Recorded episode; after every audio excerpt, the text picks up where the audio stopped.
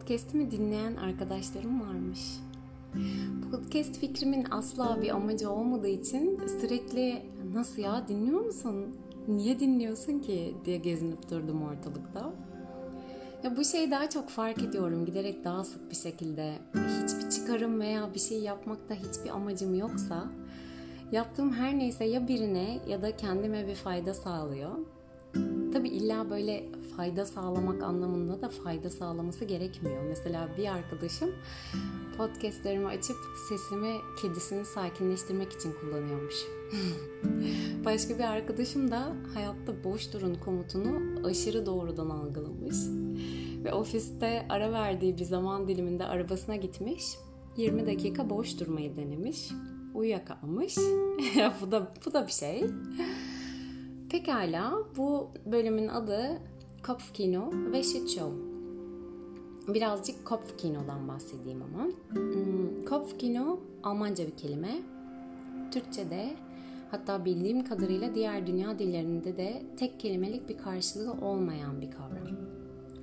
Mental sinema yani zihin sineması anlamlarına geliyor. Bunu tam olarak maymun zihni de karşılıyor diyemem. Maymun zihni dediğimizde kastedilen düşüncelerin böyle bir maymun gibi oradan oraya sıçraması, zıplaması, değişip durması, böyle bir zihin dağınıklığı aslında. Kopfkino'yu belki en net şöyle ifade edebilirim. Beyninizin içindeki kişisel Netflix'iniz. Üyelik için ödeme yapmıyorsunuz. Beyninizin içinde ama devamlı dönüp duran sonsuz bölümlü bir dizi var. Bu durumu ya da içinde beyninizin içindeki halleri tanımlayana kadar bunun yayında olduğunun farkında değilsiniz. Ama birkaç bölüm izlediğinizde ki bu tabii ki birazcık farkındalıkla ya da meditasyonla mümkün oluyor. Binge watching'e kapılıp izlemeye doyamıyorsunuz. Beyninizde bu diziyi oynatmaktan sorumlu bir bölüm var. İzlemeniz için bu bölümleri dikkatinizi çekmeye çalışıp duruyor. İzlemezseniz otomatik oynatıyor veya spoiler verip duruyor. Hani önceki bölümde boş durmaktan bahsetmiştim. Ancak boş durabilirsiniz görebiliyorsunuz bu Kopfkino'nun yani mental sinemanın oynattıklarını. Kopfkino geçmişten kesitler getirebilir, geleceğe dair simülasyonlar yapabilir. Çünkü görevi bu zaten. Ama aslında asla ve asla içinde bulunduğumuz durumda ya da anda olmaz. Bir yapay zeka gibi düşünün beyninizin içindekini. Geçmişten aldığı kareleri bir araya getiriyor. Pişirip pişirip önünüze koyuyor. Kopyalayıp yapıştırıp yeni sezonlar üretiyor. Bu kadar. Birazcık dikkat kesildiğinizde beyninizin mükemmel bir senaryo yazarı olduğunu görebiliyorsunuz zaten. Romantik komedi, komplo, aksiyon ne ararsanız var. Mesela ne olabilir? Şöyle durumlar. Pazartesi iş başına, iş başı olacak. İş arkadaşlarınıza söyleyeceklerinizde böyle içinizde bir şey kalmış mesela. Onları oynatıp oynatıp duruyor olabilir beyin İçinize aşırı sıkan birini sosyal medyada engellediğinizi hayal ederken yakalayabilirsiniz beyninizi. Elinizde mesela hiçbir somut kanıt yokken birinizin birinin size yalan söylediğini, sizi kandırdığını düşündüğünüz bölümler olabilir. Aldatıldığınız bölümler olabilir. Veya en sonunda böyle çok istediğiniz bir seyahate gittiğiniz mutluluk projeksiyonları olabilir. Olumlu şeyler de var tabii bunun içinde. Bu kısa filmlerin hepsi Kopfkino. Otomatik olarak geliyorlar. Bir istekte bulunmuyorsunuz beyne. Hani şöyle bir senaryo üreteyim de onu düşünüp düşünüp durayım diye bir sipariş yok bunda. Bu fantastik beyin içi senaryolarına shit show da diyebiliriz. Çünkü gerçekten her biri çok anlamsız ve %99'unun gerçekle hiçbir bağlantısı yok. Hmm, ben bir noktada beynimdeki gerçek olmayan kaygıları, simülasyonları, hmm, projeksiyonları, komploları görebilmeye başladım. Sonra gün içinde bunları yakaladığımda tamam ya beynim hani yine bir shit show oynatıyor diyorum. gerçek hayata dönebiliyorum. Ne yapacaksam onu yapmaya devam ediyorum. Bir de şöyle etiketlemeyi seviyorum aslında. Eğer güzel ve hoş bir hayalse kafamdan geçen o şey ona Kopfkino diyorum. Yani mental sinema. Eğer böyle çok korku dolu, endişe dolu, inanılmaz gerçek dışıysa senaryosu beynimin Aa, tamam diyorum beynin yine bir shit show oynatıyor. Sadece fark ediyorum. Bu kadar. Sonra gidiyor zaten. Yenisini getiriyor. Tekrar fark ediyorum. Bence bunların bu beyinde oynayan dizilerin sebebi fark edilmemiş, varlığı onaylanmamış duygular. Mesela bir insana kırgınsınız. İçinizde öfkeyle hani yaralanan yeri çok görmediyseniz laf dalışı ve saldırı bölümü oynayıp oynayıp duracaktır. Tabi buradaki her şey olayımız sadece görmek. Ama duyguları görmek derken insanlardan çok uç şeyler istiyormuş gibi hissediyorum. Şöyle fark ediyorum bunu da. Mesela çevremdeki insanlara nasılsın diye sorduğumda aldığım top 3 cevap var. İyi ya işte. İyi ya ne yapalım? Ne olsun ya aynen devam. Bu üçü. Şaşmıyor pek. Bu cevapları aldığımda içimden gerçekten çığlıklar atıyor olabilirim. Çünkü böyle bir duygu durumu yok. Ya bu tabii birazcık şeyle de alakalı. İnsanların içinde yetiştiği coğrafyayla da ilgili. Bu saydığım üç cevap ve muhtemelen hani sizin de çevrenizdeki insanlardan aldığınız cevaplar biraz elden başka bir şey gelmezcilik. Nasıl olabilirim ki bu ülkede? Ve kadercilik içeriyor.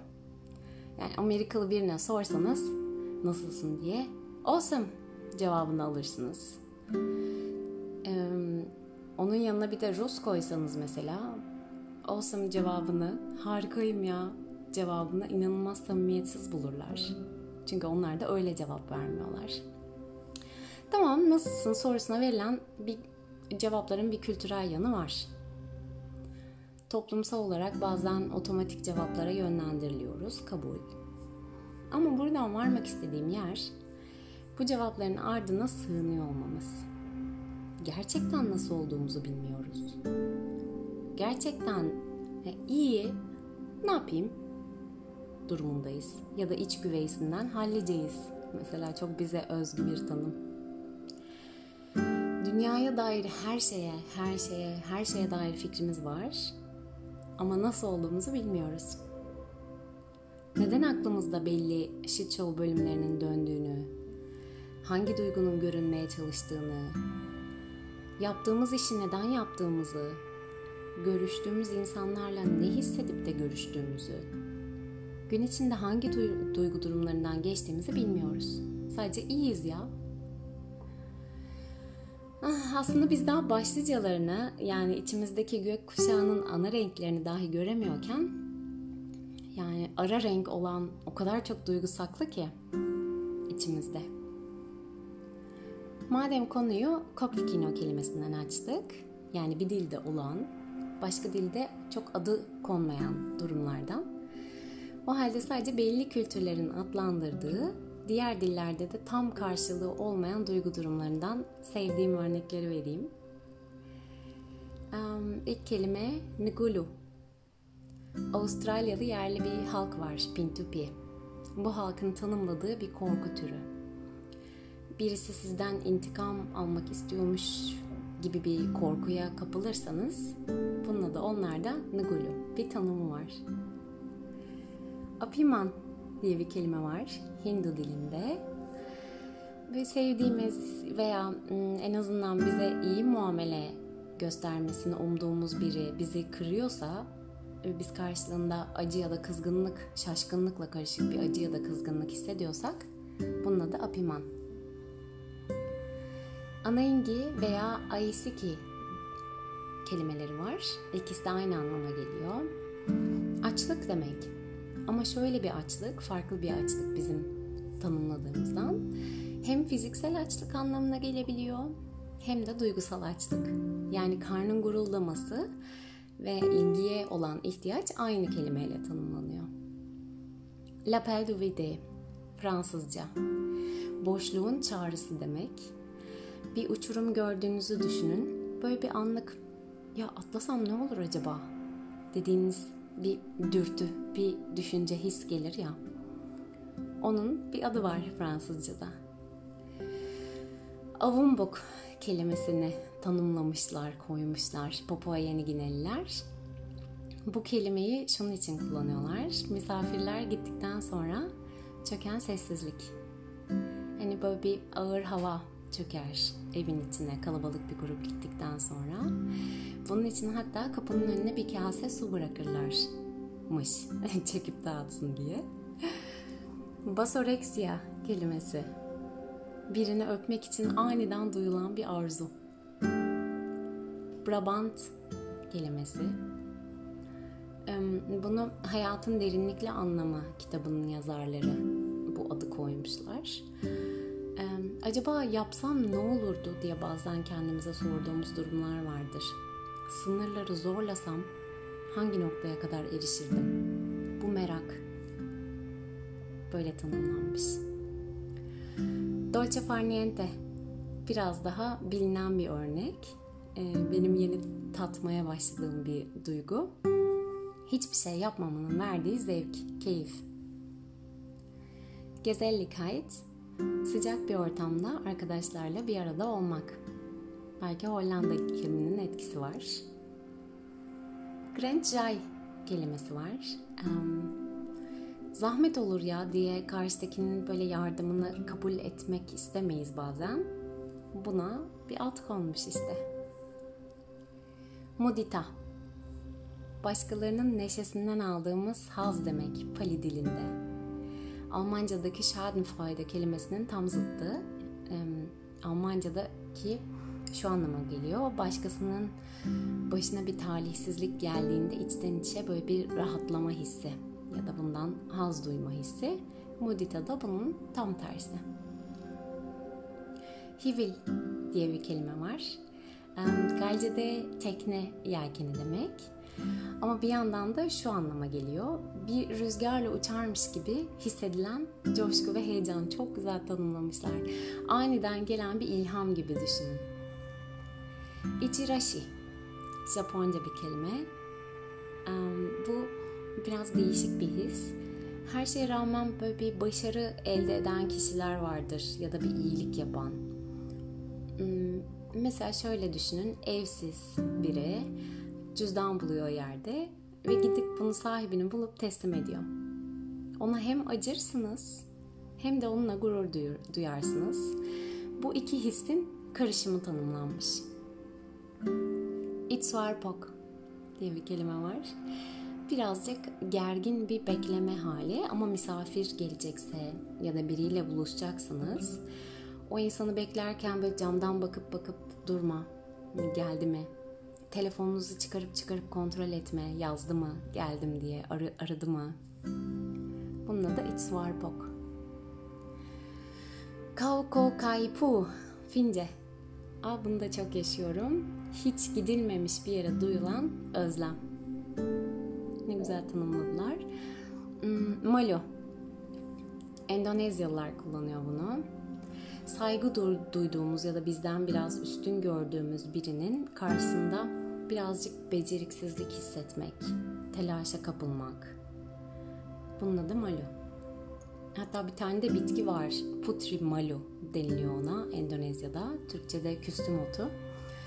Bu bitkiye dokunduğunuz zaman yaprakları kapanıyor. Böyle içe doğru kıvrılıyor. O hissin o bitkideki karşılığına da böyle bir bağlantı olmuş, güzel olmuş. Manorat diye bir kelime var. İçten gelen bir özlem, bir çağrı. Mesela işte ya şunu yapsan ya, ya keşke bunu yapsam. Birden bir ışık yanar mesela. Neden olduğunu bilmeyiz. Çünkü bilmediğimiz bir yerden gelir bu çağrı. Aklın ve kalbin arasında bir yerden gelir. Bunun adı da Manorat. Matuto Lipea. Sabah hüznü demek. Ama bizdeki sol tarafından kalkmak değil tam olarak. Çünkü sol tarafından kalkmak birazcık aksilik içeriyor yani aksi oluyor o insanlar böyle tanımladığımızda. Bu ise böyle bir hüzün gerçekten yani aksilik veya hani sinirlilik hali değil. Şafak tanrıçası Mater Matuta olduğu için Matuto ilk kısmı kelimenin. Lipe de keyifsizlik. Bu iki sözcük birleşmiş böyle bir tanım olmuş. Meha meha. Bizde ya da Batı dünyasında diyeyim korku kelimesi bütün korkuları kapsar mesela. Tahitililer ise fiziksel belirtiler gösterilen böyle kalbin çarptığı, midenin düğümlenir gibi olduğu Ria Ria ve Meha Meha adlı korku arasında ayrım yapıyorlar. İkincisi yani Meha Meha birden ürperilen, doğaüstü bir şeyler olup bitiyormuş gibi hissedilen bir korku. Monono avare. Hayatın geçiciliği karşısında duyulan üzüntü. Fanilik kederi deniliyor bir de. Onun bile bir adı var. Um, compersion bir hippie kelimesi. Sevdiğiniz kişi başkasıyla birlikte oluyorsa ve bundan mutluluk duyuyorsanız böyle adlandırılıyor. Pronoia.